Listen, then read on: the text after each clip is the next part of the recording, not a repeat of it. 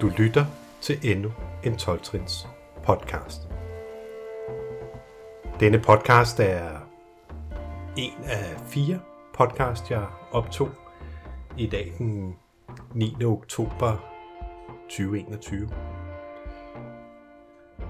Det er fra et, jeg kan er begyndt at kalde det minikonventer.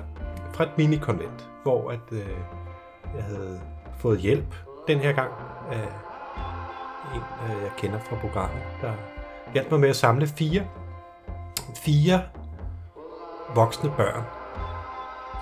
Og øh, hvis man skulle have givet det her en overskrift, så kunne øh, overskriften måske have været service. For det er fire mennesker, som har været meget engageret med deres service i SA-programmet. Øh, jeg håber, at øh, du nyder at lytte til podcasten, ligesom øh, podcasterne, lige så meget, som jeg nyder at optage dem. Velbekomme.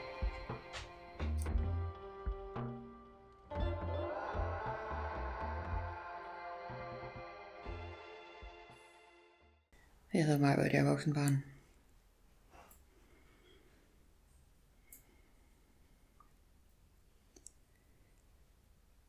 Jeg er vokset op i, hvad det jo for mig var en øh, normal familie.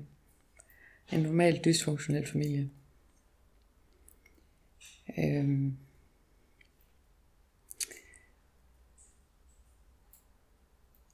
Det, der har fyldt rigtig meget i min familie, det var mine farforældre og min far. Min farforældre var missionær i Afrika, og øh, min far, han øh, er øh, født i Afrika. Øh, og min mor er pæredansk. Og på hendes side af familien, der var der håndværkere.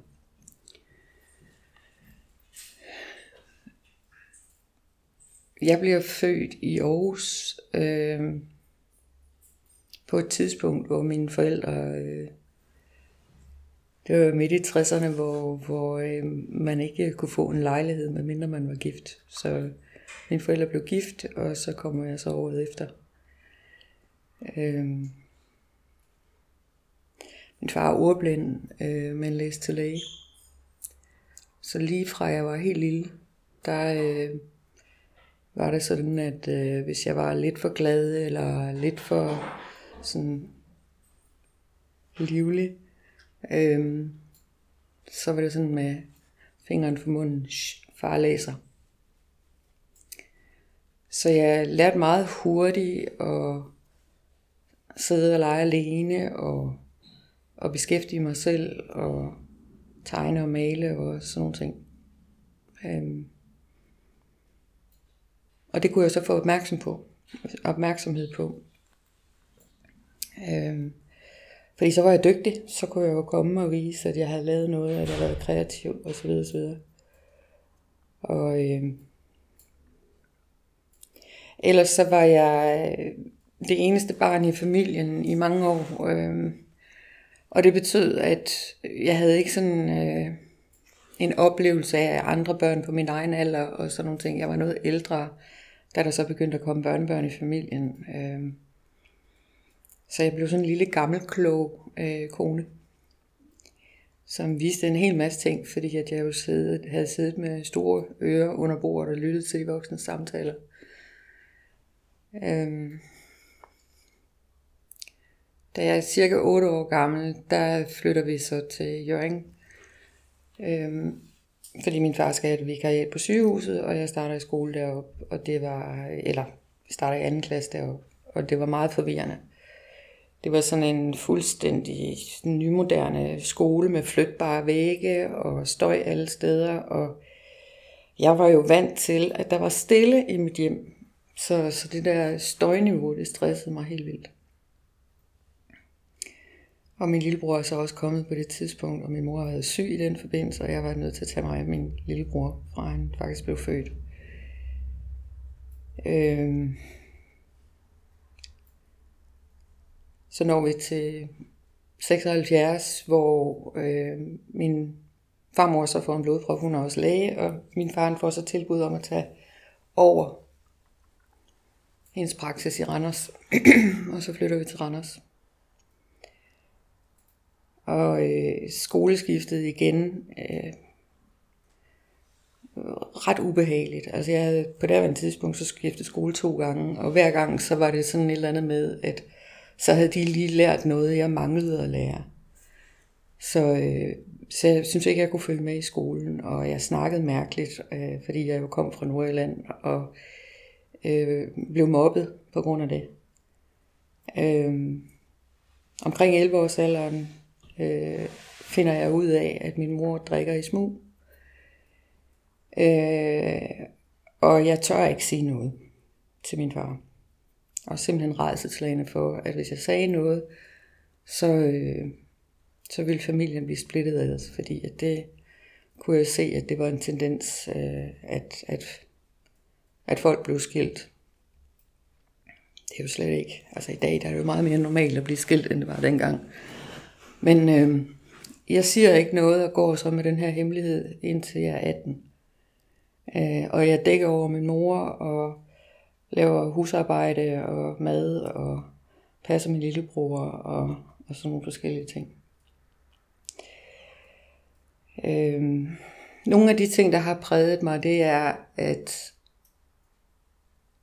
jeg har altid haft sådan en alenehedsfølelse, og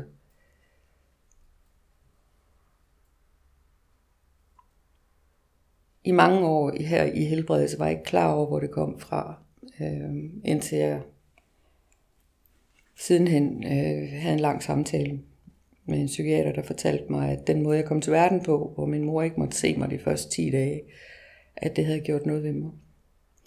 Så jeg har et lille barn, som ikke har, eller et spædbarn, som ikke har noget sprog, som har en kederlighedsfølelse, som ikke føler, at hun hører til.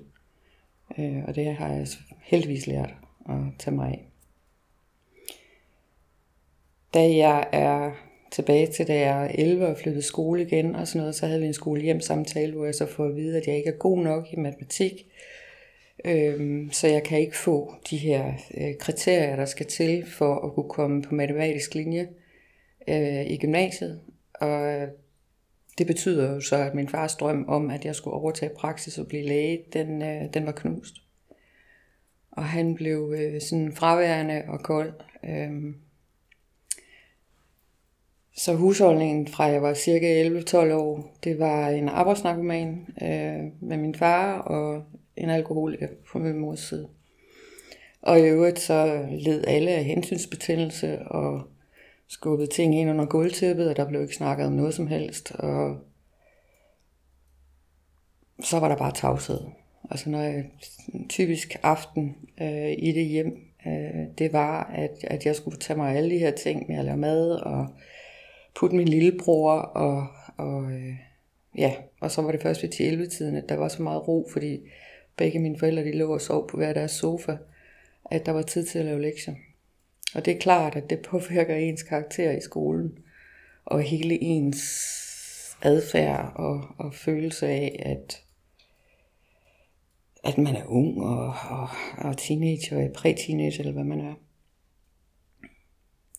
Så jeg følte mig enormt alene, og jeg følte ikke, at jeg kunne tale med nogen om det. Da jeg er 12 år, så beslutter jeg mig så for, at så kan det også bare være lige meget. Øh, det er januar måned, og så tager jeg min cykel, og så tænker jeg, at nu kan jeg cykle til Viborg fra Randers, fordi at, øh, så kan jeg da i hvert fald bo hos min faster. Øh, og det var i snevejr.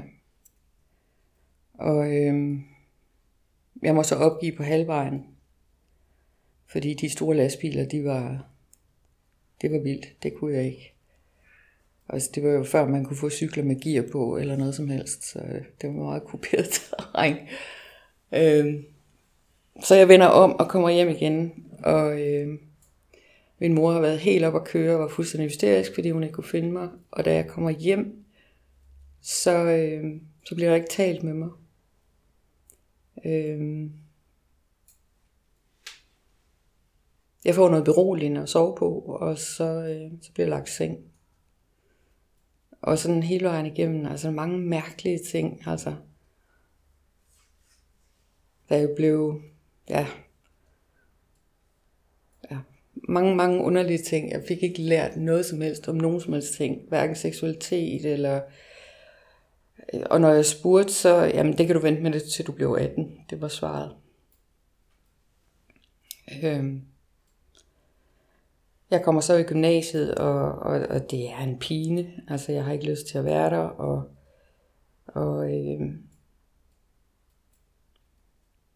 jeg har jo den der facade på, jeg har udviklet, at jeg er dygtig og øh, jeg er social, men indeni, der, der døde jeg lige så stille hele tiden. Altså, fordi myldretankerne var så voldsomme, den der hyperovervågenhed, jeg havde udviklet allerede helt fra lille af. Samtidig med, at jeg gik bare på den her store hemmelighed om, at min mor var alkoholiker, den, øh, den gjorde, at øh, jeg var nødt til at gøre mig bedre end, øh, sådan så folk ikke kunne se, øh, hvordan jeg i virkeligheden havde det og hvordan jeg i virkeligheden følte mig. Øh, da jeg er 17 år, der, øh, der bliver jeg udsat for et, øh, et overgreb, øh, hvor jeg bliver bedøvet med rohypnol, og vågner så op 11 timer senere. Øhm, og det fortæller jeg heller ikke til nogen. Det går jeg med Øhm, og det går i kroppen på mig, sådan så jeg har fra det, det tidspunkt faktisk havde en konstant øh, sådan spændthed i kroppen. Øh, jeg fik også flashbacks og mareridt og alt muligt andet. Øh, og så får jeg, det, det lykkedes mig at manipulere mine forældre til, at jeg kommer til kandestederne i sommerferien imellem første og anden HF. Og der, øh, der møder jeg så en øh, voksen mand på 24. Og øh, han ville have mig. Så han blev jeg kæreste med. Og seks uger efter jeg mødte ham, så, blev jeg, så mente han, at vi skulle ringe for lås. Og det blev vi så. Øhm, I dag ved jeg, at det øh, øh var en flugt. Og i dag ved jeg, at... Øh, der står i vores litteratur, at vi forsøger at genskabe vores egen dysfunktionelle familie, og det kan man da i hvert fald sige ja til, at det var det, jeg gjorde. Så der i sommerferien, der overvejer jeg, om jeg skal flytte til gymnasiet i Frederikshavn og tage det sidste år. Men det kan jeg ikke få lov til mine forældre. Og i øvrigt så er den her mand, han er jo heller ikke noget for mig. Det er det, jeg får at vide. Øhm, da jeg så bliver 18, der fortæller jeg min far, at min mor er alkoholiker. Og hans første reaktion, det er, at han skælder mig ud og klapper mig på siden af hovedet. Og det har han aldrig nogensinde gjort før. Og, øh, og så må jeg gå rundt i hjemmet og vise ham, hvor alle min mors gemmesteder er. Flaskerne ligger. Og øh, så bliver der ellers sat en lavine i gang. Øh, med intervention, intervention og breve og alt muligt til min mor om, at, at vi holder af hende, og nu skal hun øh, i behandling og sådan noget. Men det siger hun nej til. Og efterfølgende, så følger, så, så følger der fem år, øh, hvor hun flere gange forsøger at slå sig selv ihjel. Øh, jeg blev gift med den her mand, og vi flyttede til Greno, og så vil han lige pludselig til Grønland. Og øh, han tager til Grønland, og jeg roede rundt i mit indre kaos og myldertanker og kæmpe ansvarsfølelse over for min lillebror. Og jeg føler, at jeg har svigtet ham, fordi jeg rejste fra hjemmet, da han kun var 11 år gammel. Øhm, og det var jo også et svigt, men øh, jeg kunne ikke gøre andet. Jeg, jeg skulle bare væk. Sidenhen så øh, flytter vi til Aalbæk i mellem Frederikshavn og Skagen og bor der et par år og øh, har egen virksomhed. Øh, og så kommer kartoffelkuren, øh, og efter kartoffelkuren er vi nødt til at lukke. Der kommer simpelthen for mange miljøafgifter. Og øh, så flytter vi til Sverige. Og det er nok den bedste tid i mit liv, det var da jeg boede i Sverige. Der var så tilpas langt væk fra, fra hele familien, at øh, Og det var dengang, man kun havde fastnet telefon. Så der kunne man heldigvis selv bestemme, om man ville tage telefonen eller ej. I den periode, der, har jeg, der udvikler jeg øh, sådan selvskadende adfærd. Øh, og bliver ramt af anoreksi. Og øh, da min mand så synes, at nu er jeg blevet alt for tynd, så ændrer det sig til bulimi i stedet for. Øh, samtidig så slås vi med barnløshed, og ja, så sker der en masse ting der. Og øh, det jeg har fundet ud af sidenhen, det er jo, at, at usagte ting, altså tavsheden, det er det, der har gjort mig syg. Altså tavsheden og utydeligheden fra andre mennesker. Fordi så går jeg i sådan et øh, gættemode. Jeg gætter mig til, hvad der er det rigtige. Og når jeg skal gætte mig til noget, så bliver jeg syg. Øh, fordi det, jeg gætter, det er oftest forkert. Øh, 8,5 år efter Sverige, så kommer vi tilbage til Danmark, og øh, har en dejlig lille dreng på øh, lige knap to år. Men fordi at jeg var syg, sygemeldt den dag, vi flytter fra Sverige, så mister jeg hele min anciennitet i fagforeningen. Og så gode råd dyre, så er jeg nødt til at tage en ny uddannelse. Øhm, jeg får taget den her nye uddannelse, og kan så ikke finde arbejde. Jo, det kan jeg godt. Jeg kan finde arbejde i København, men der vil min mand ikke rejse med. Så jeg tager så en ny uddannelse for at få arbejde. Og, øh, og ender så også med at blive så god til, øh, til det, jeg laver, øh, at jeg åbner min egen virksomhed. Og det gør jeg i 2004. Øhm, så går der øh, et par år, øh, og øh, så mister jeg en ordre på 100.000, fordi ham, der har placeret ordren, han er død. Øh, så så er jeg nødt til at gøre noget andet, og så bliver jeg rejserådgiver for, for et firma i Frederikshavn. Og i 2008 er jeg oppe og inspicerer et hotel i Norge. Og træder så ved siden af og brækker ryggen. Øhm, og så ramler hele min verden. Det her med at være dygtig, som jeg starter med at sige, det er jo noget, der har fulgt mig. Og det er noget, øhm, jeg skulle bare være bedst til alting. Øh, og der er jo ikke noget værre end et menneske, der er bedst til alting, fordi man bliver jo skide arrogant. Øh, jeg var hele tiden på overarbejde. Øh, også inde i mig selv. Jeg skulle hele tiden regne tingene ud. Og det er jo bare en anden form for kontrol. Altså, det, det, det er jo den frygt, øh, underliggende frygt, jeg havde for ikke at være god nok, fordi jeg ikke havde lært forskellige ting. Altså, der, var, der lå skjulte forventninger til mig allerede fra barn, at når der blev sagt noget, så vidste jeg, hvad det var. Øh, og i øvrigt hørte med, at min mor, hun var gammel Lotte, så, så alting, det kørte jo på kommando. Øhm, og, og hun kunne blive så enormt vred. Øhm, og det der med at blive skammet ud øh, ved et blik, eller ved en, en, en kulde, øh, fra min mor, når jeg havde gjort noget forkert. Det var, øh, det var lige så slemt, som hvis jeg havde fået et par på hovedet.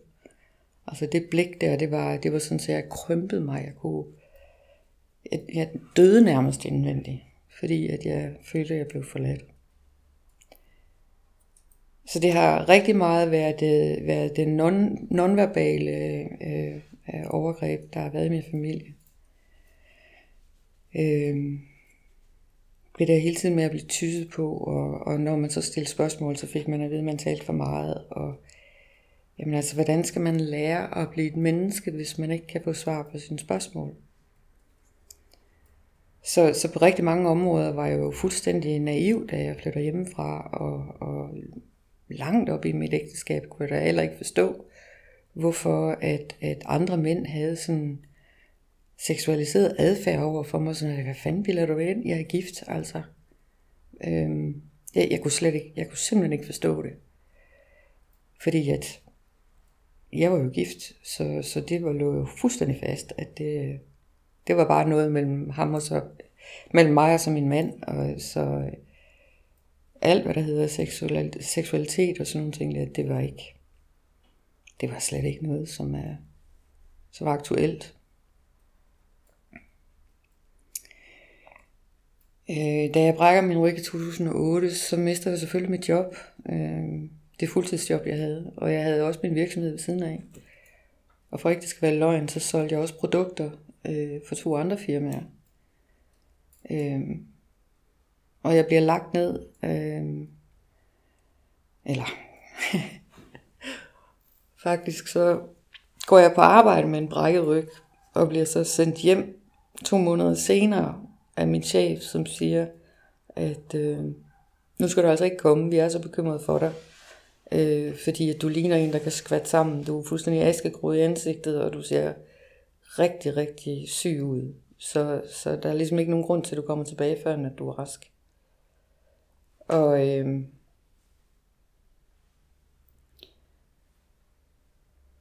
jeg får så fundet et privat hospital, som, som vil kigge på nogle MR-scanninger og sådan noget, og de tror simpelthen ikke på, at det er mit personnummer. Øh, fordi jeg skulle ikke kunne gå, jeg skulle, jeg skulle komme ind i rullestol. Så galt var det med min ryg. Og for mig, øh, så nævner jeg det her, fordi at adskillelsen, altså det der med fuldstændig at kunne korte kroppen væk, og så bare være i mit hoved, det var jo noget, jeg kunne. Øh, myldertanker og spekulationer og bekymringer og sådan nogle ting. Det var jo alt sammen noget, der foregik i hovedet. Og der var simpelthen ikke nogen kontakt til min krop i forhold til de ting, jeg havde været igennem, og den, den måde, jeg havde behandlet mig selv på. Altså, der var kroppen, det var ligesom bare ikke et element. Altså, øhm,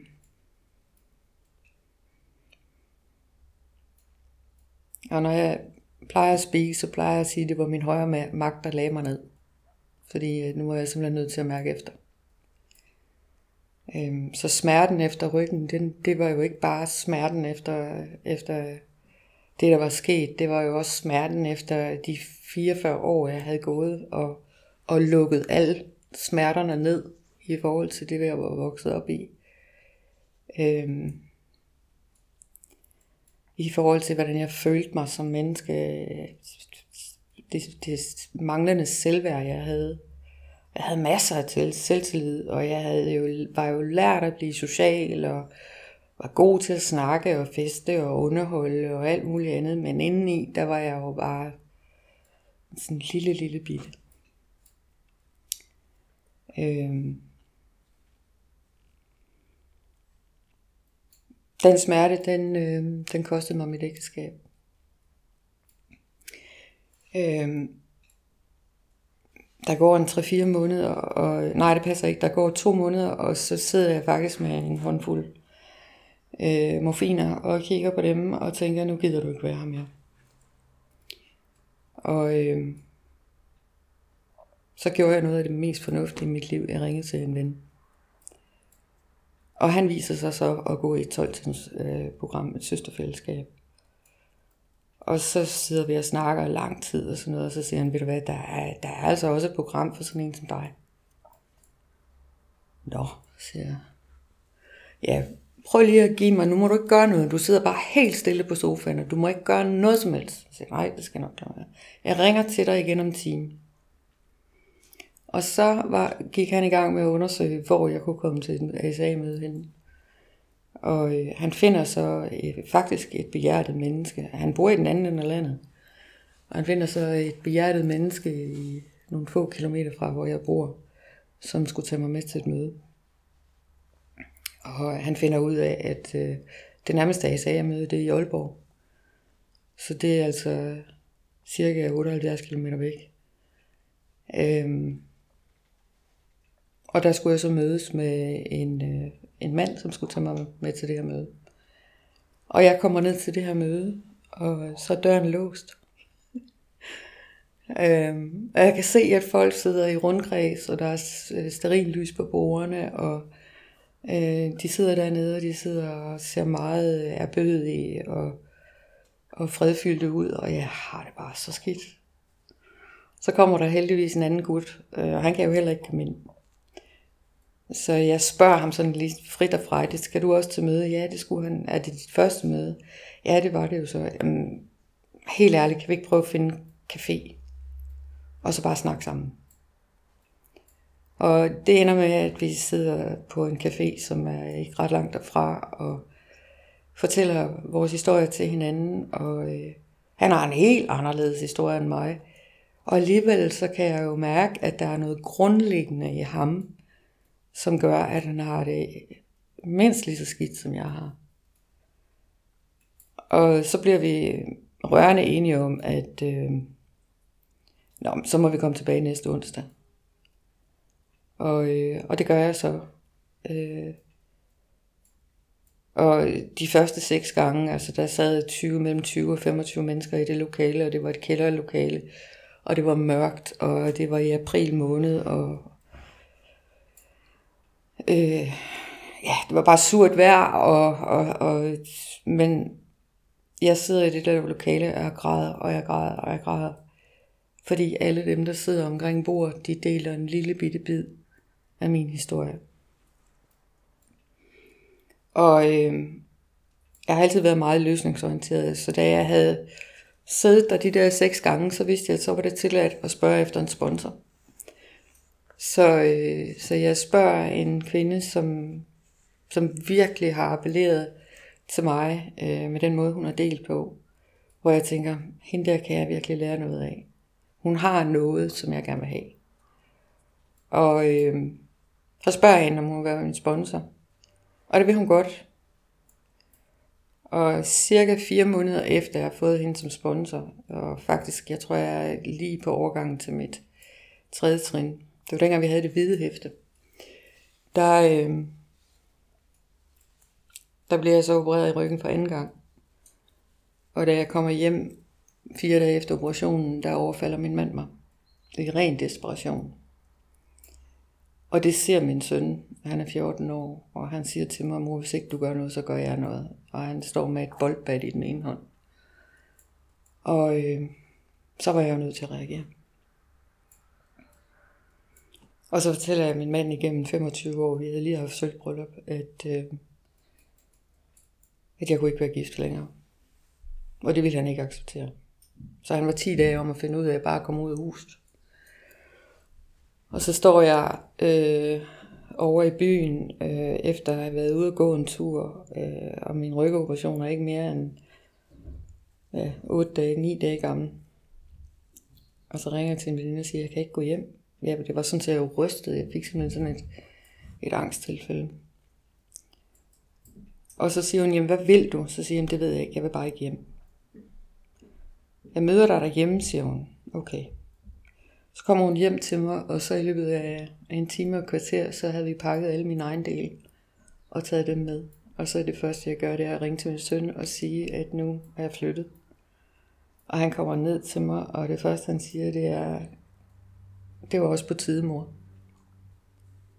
Og så giver han mig en knus, og så græder vi begge to. Øhm,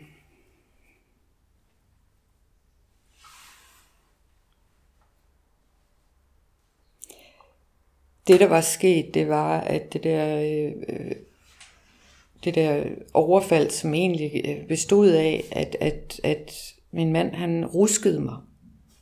Det havde sat en hel masse flashbacks øh, i gang.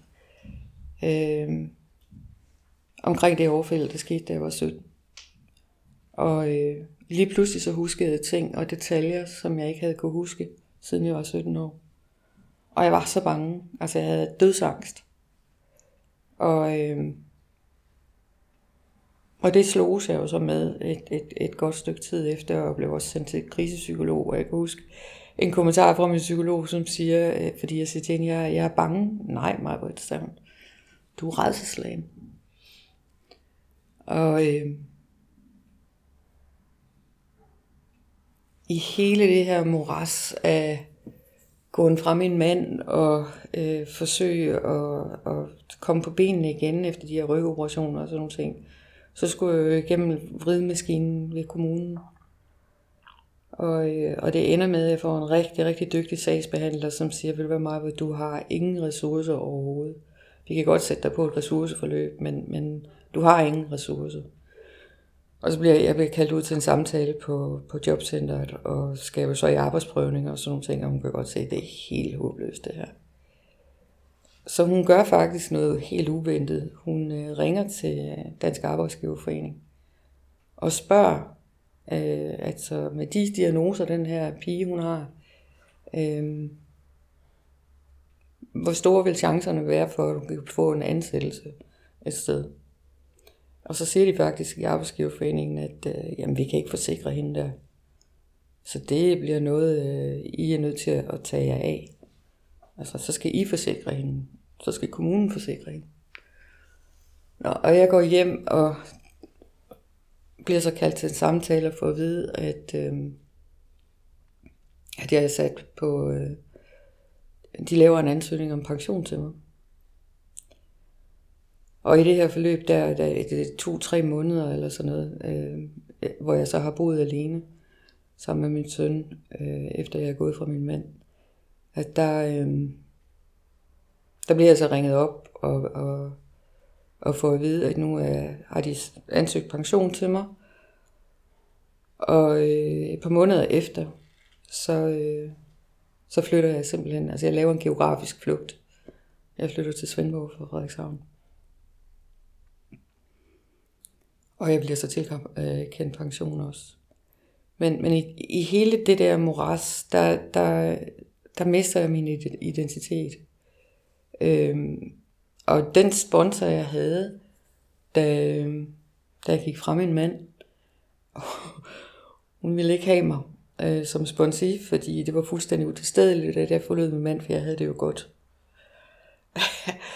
at tale om skyld og skam. Øh, hun har så siden lavet et 9. trin på mig, og vi er rigtig gode veninder og sådan noget. Så, så der er ikke noget, men jeg var jo nødt til at finde mig øh, en anden sponsor igen. Øh, og der laver jeg så trinene. Da jeg havde øh, lavet de trinene øh, igen, så, øh, så fik jeg det ikke bedre. Og jeg kunne ikke forstå, hvorfor jeg ikke fik det bedre. Øh, jeg får konstateret en kronisk sygdom og fundet medicin i Svendborg for det. Og, og jeg ender med at sidde oppe i hjørnet af en seng og, og kan slet ikke jeg kan slet ikke finde ud af noget som helst. Øhm, og kommer så øh, forbi et, et, et, et, den psykiatriske skadestue.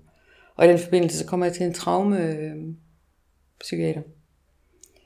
Og han finder så ud af, at den der øh, angst, øh, psykose, er det jo nærmest, jeg har fået, at øh, den er medicinsk påvirket, fordi man må slet ikke give det der medicin, jeg får til nogen, som har posttraumatisk stress. Øhm. Og så starter min rigtige vej ellers.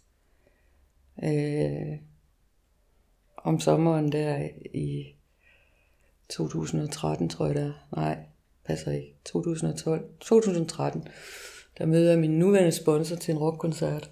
Øhm, og hun er, har et primært fællesskab, øhm, som er et andet fællesskab end SA, som mere hardcore. Og, øh, og jeg skulle simpelthen have tingene. Altså, jeg var så egenrådig, jeg var så øh, selvsikker i forhold til, hvordan tingene skulle foregå. Altså, det er jo bare en anden form for kontrol. Men, men øh, tingene skulle være på en bestemt måde, og hver eneste gang hun sagde eller andet, det har jeg prøvet, det har jeg undersøgt. Øh, og så kan jeg huske, så siger hun til mig, jamen mig hvad er det, så du vil bruge mig til? Fordi uanset hvad jeg siger, så har du prøvet det, eller også så, øh, eller også så duer det ikke, eller så har du tænkt over det, eller så Måske skulle du undersøge, om du overhovedet er mulig, har mulighed for at tage ind, at, øh, at jeg siger nogle ting til dig. Og det var ligesom sådan et kæmpe stort stopskilt øh, i hovedet på mig. i forhold til, hey, hvad er du gang i? Øhm, og, øh, og der starter jeg så på trinene, og der får jeg simpelthen lært værktøjerne og trinene på en helt anderledes måde, end jeg har gjort først, før. Altså virkelig tage ind, altså accepten af at være magtesløs, at være vokset op i det, jeg øh, har været vokset op i, og at, at det, jeg har været vokset op i, har sat sig i kroppen på mig, hvor jeg har været fuldstændig adskilt fra min krop. Øhm, og så simpelthen lære, hvad er klarhed, tydelighed. Øh, og så øh, og, og kunne give det over til en højere magt.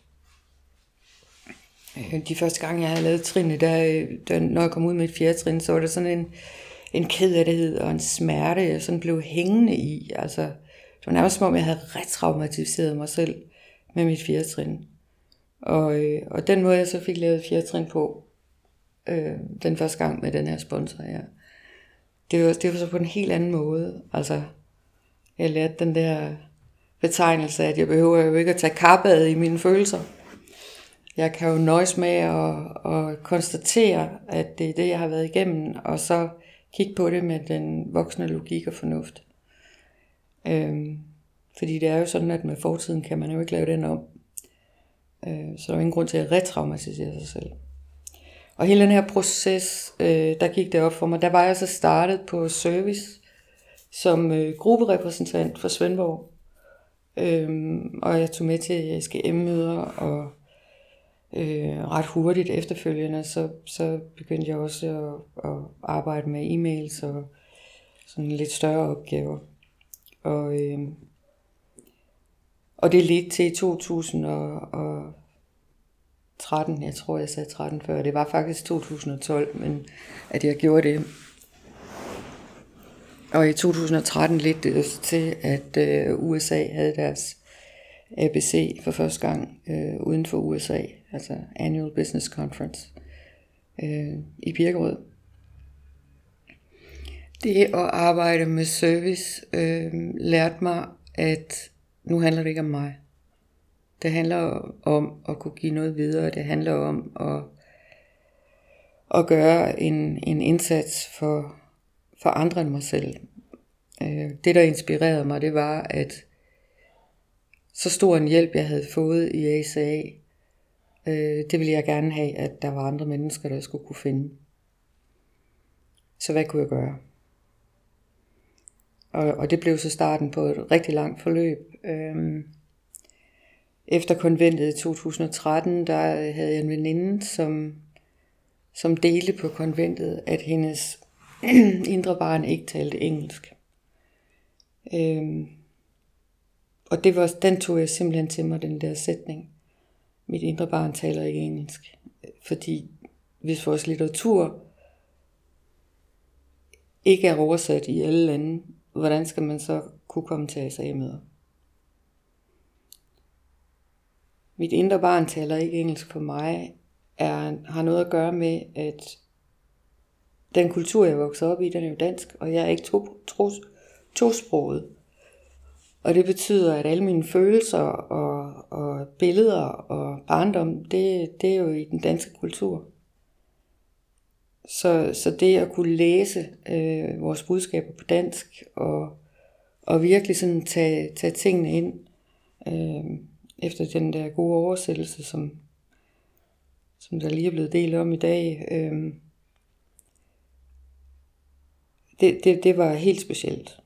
Øh, jeg kan huske, at øh, vi fik rød bog, og at, øh, eller jeg læste den røde bog, den kunne man få på engelsk øh, på et andet tidspunkt.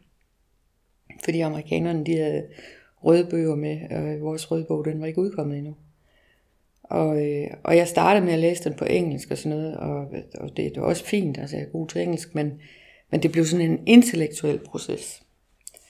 Så det her med at, sådan at faktisk at få det ned i kroppen, og ture føle ned i kroppen, hvad det er, de her ord øh, øh, og begreber øh, gør, det, øh, det, det er noget, der hører med til mit, mit modersmål. Øh, og med det i tankerne, så tænkte jeg, at det ville være spændende at, at prøve at hjælpe andre lande med at få oversat deres litteratur. Og, øh, og jeg blev så spurgt om, øh, om jeg ville sidde med til bestyrelsesmøderne øh, de, øh, i, i WSO. Og i første omgang, så var jeg, så var jeg Danmarks repræsentant. Øh, det vil sige, at jeg rapporterede tilbage til det danske fællesskab, hvad det var, der foregik. Øh, og efter cirka et års tid, eller sådan noget, så blev jeg spurgt efter, om jeg ville være bestyrelsesmedlem. Øh, og, øh, og i 2014 i Chicago, der, øh, der startede vi så den øh, europæiske komité. Og målet var at få øh, ACA ind i alle europæiske lande. Øh, og det foregik ved at, at øh, besvare e-mails, som kom ind, fordi der kom jo masser af den e-mail ind. Men der var ikke nogen, der havde tænkt på, at når folk har en e-mailadresse, så står der sådan to små bogstaver bag ved punktummet. Så der kunne man jo så se, øh, hvor de her e-mails kom fra. Øh, og så det var sådan ganske enkelte spørgsmål. Har I ASA-møder? Øh, øh, hvis ikke I har ASA-møder, har I så lyst til at få en litteraturpakke?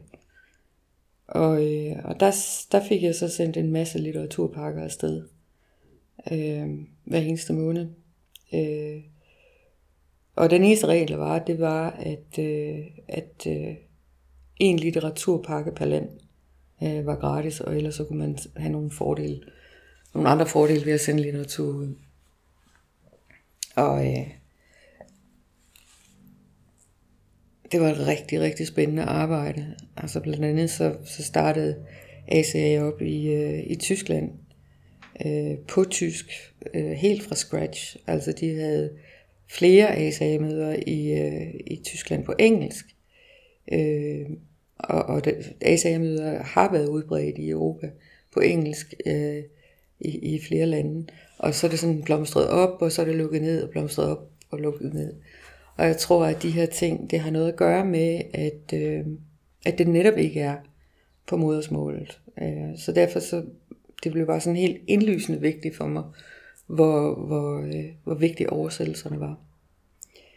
Øh, så jeg har deltaget i, i, i ASA-møder i, øh, i Moskva, og, og har kunne forstå meget, meget få ord. Og det, der er helt specielt øh, er, at man kan forstå alligevel, hvad det er, folk snakker om. I Holland, jeg troede ikke, jeg kunne forstå hollandsk, men jeg kunne forstå rigtig meget af det, fordi at jeg kan, kan tysk og engelsk. Så, så det var sådan, altså følelserne kunne jeg forstå. Øhm, og det er jo derfor, det virker, vores program. Vores program virker, fordi det er et menneskeligt program, og at vi, altså, og at vi alle sammen har følelser. Øhm.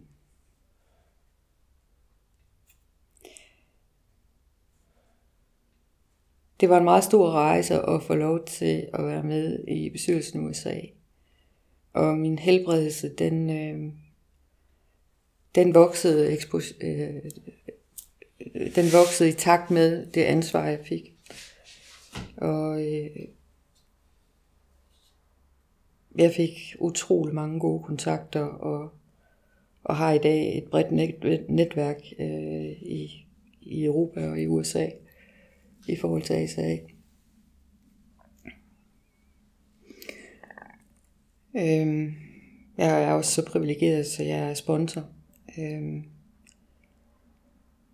og, og, og de her begreber med at lære at adskille det indre barn, faktisk lære at blive sin kærlige, egen kærlige forældre, Øh, og så lære at acceptere det her indre barn som en del af mig selv, som skal modnes på en bestemt måde, for at kunne øh, blive helbredt. Øh, det har været en, en utrolig øh, berigende proces. Øh, en af mine store ting i SA, det er, at jeg synes, det materiale, vi har i vores skolehæfte, 6. og 7. Øh, trin, er utilstrækkeligt. Øhm.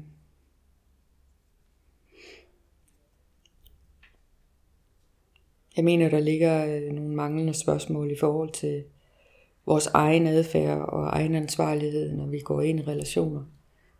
Altså, den nonverbale kommunikation kan være lige så kvælende og lige så lammende, øh, som, som det vi faktisk siger med ord. Øh, og det at lære at tage ansvar for den måde, man kommunikerer på. Øh, hvad man siger, tonefaldet, man siger det i.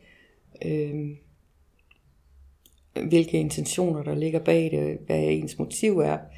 Og frem for alt, at øh, når man kommunikerer med nogle mennesker, at at det er så tydeligt, det man kommunikerer, så man er klar over, hvad der ligger, øh, hvad, altså, sådan så den anden ved, hvilke forventninger der ligger til. Altså at man ikke har skjulte forventninger. Det, øh, det er nogle af de ting, jeg arbejder rigtig meget med. Og øh, som følge af sådan en snak med formanden for, for VSO tilbage i 2014, tror jeg det var, i Atlanta, så, så øh, der var han faktisk startet med, med øh, The Other Laundry List, altså jeg, jeg ved ikke engang, hvad den hedder på dansk. Øhm, og det blev så til den bog, som, som jeg håber på snart bliver oversat, der hedder uh, The Laundry List Workbook. Øhm, den, den skildrer ligesom vores, vores karakterdefekter og hvad vi gør med vores, med vores karaktereffekter, og hvordan vi tager ansvar for dem, og hvordan vi så bruger vores, vores værktøjer fra programmet til at, at leve på den anden måde. Altså en af de ting, som jeg i hvert fald øh, øh selv øh, brugte, øh, det, var den, det var den første. Det første trin, altså eller den første, øh, første karaktertræk øh, med at være bange for autoritet, og når jamen, så blev jeg da selv en autoritet så kunne jeg da skræmme og intimidere andre mennesker med, med det, øh, jeg sagde og gjorde. Og sådan hele vejen igennem, så, så ligger der jo nogle, nogle karakterer. Jeg hader ordet defekt. Øh, for mig der er det overlevelsesstrategier. Øhm, fordi det at være defekt, det, det er ligesom sådan en lukke ned øh, ting inde i mig. Altså så lukker jeg bare af. Du skal ikke kalde mig forkert. Øhm, fordi så er der ikke noget at arbejde med, så er man bare dømt. Øhm, så, så det der med at kunne få balanceret sine overlevelsesstrategier ud, og få lagt den her frygt ned, få dæmpet den her posttraumatiske stress, øh, skabt den her sindsro, det er, det er nogle værktøjer, jeg arbejder rigtig meget med. Og jeg kan huske første gang, det skete, der ringede til min sponsor og siger, jeg kan simpelthen ikke forstå, hvad der foregår. Alting det er bare stille inde i mit hoved. Og, og så grinte hun øh, højlydt i den anden telefon. Og så blev hun stille, så sagde hun, er det muligt, at det bare er sindsro? Så.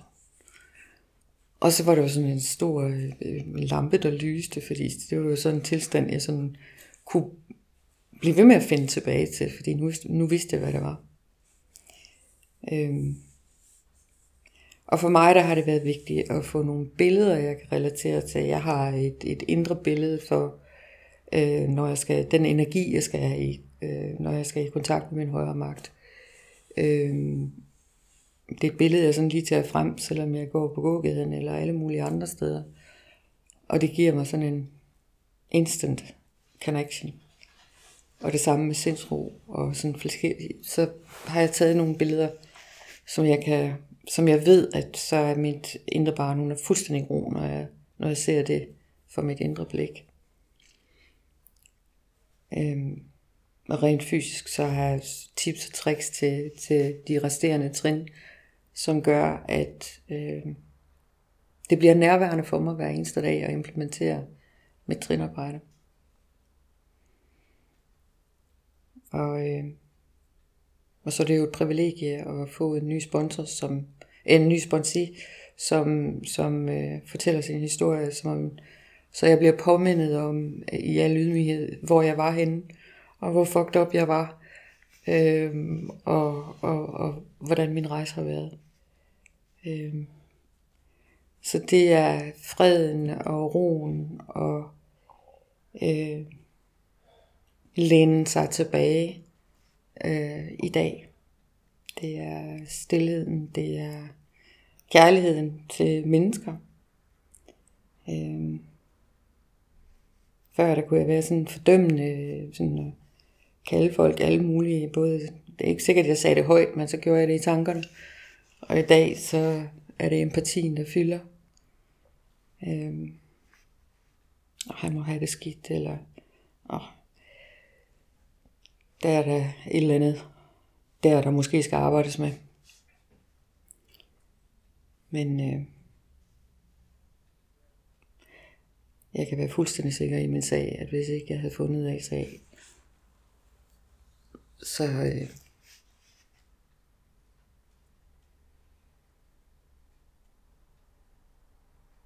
ja, så tør jeg ikke tænke på, hvad der var sket. Så jeg er dybt taknemmelig for møderne, for alle dem, der har været der på mine rejser, og øh, for den mulighed, jeg har fået i dag. Øh, og jeg håber, at noget af den erfaring, jeg har talt om, kan gives videre. Tak for mig.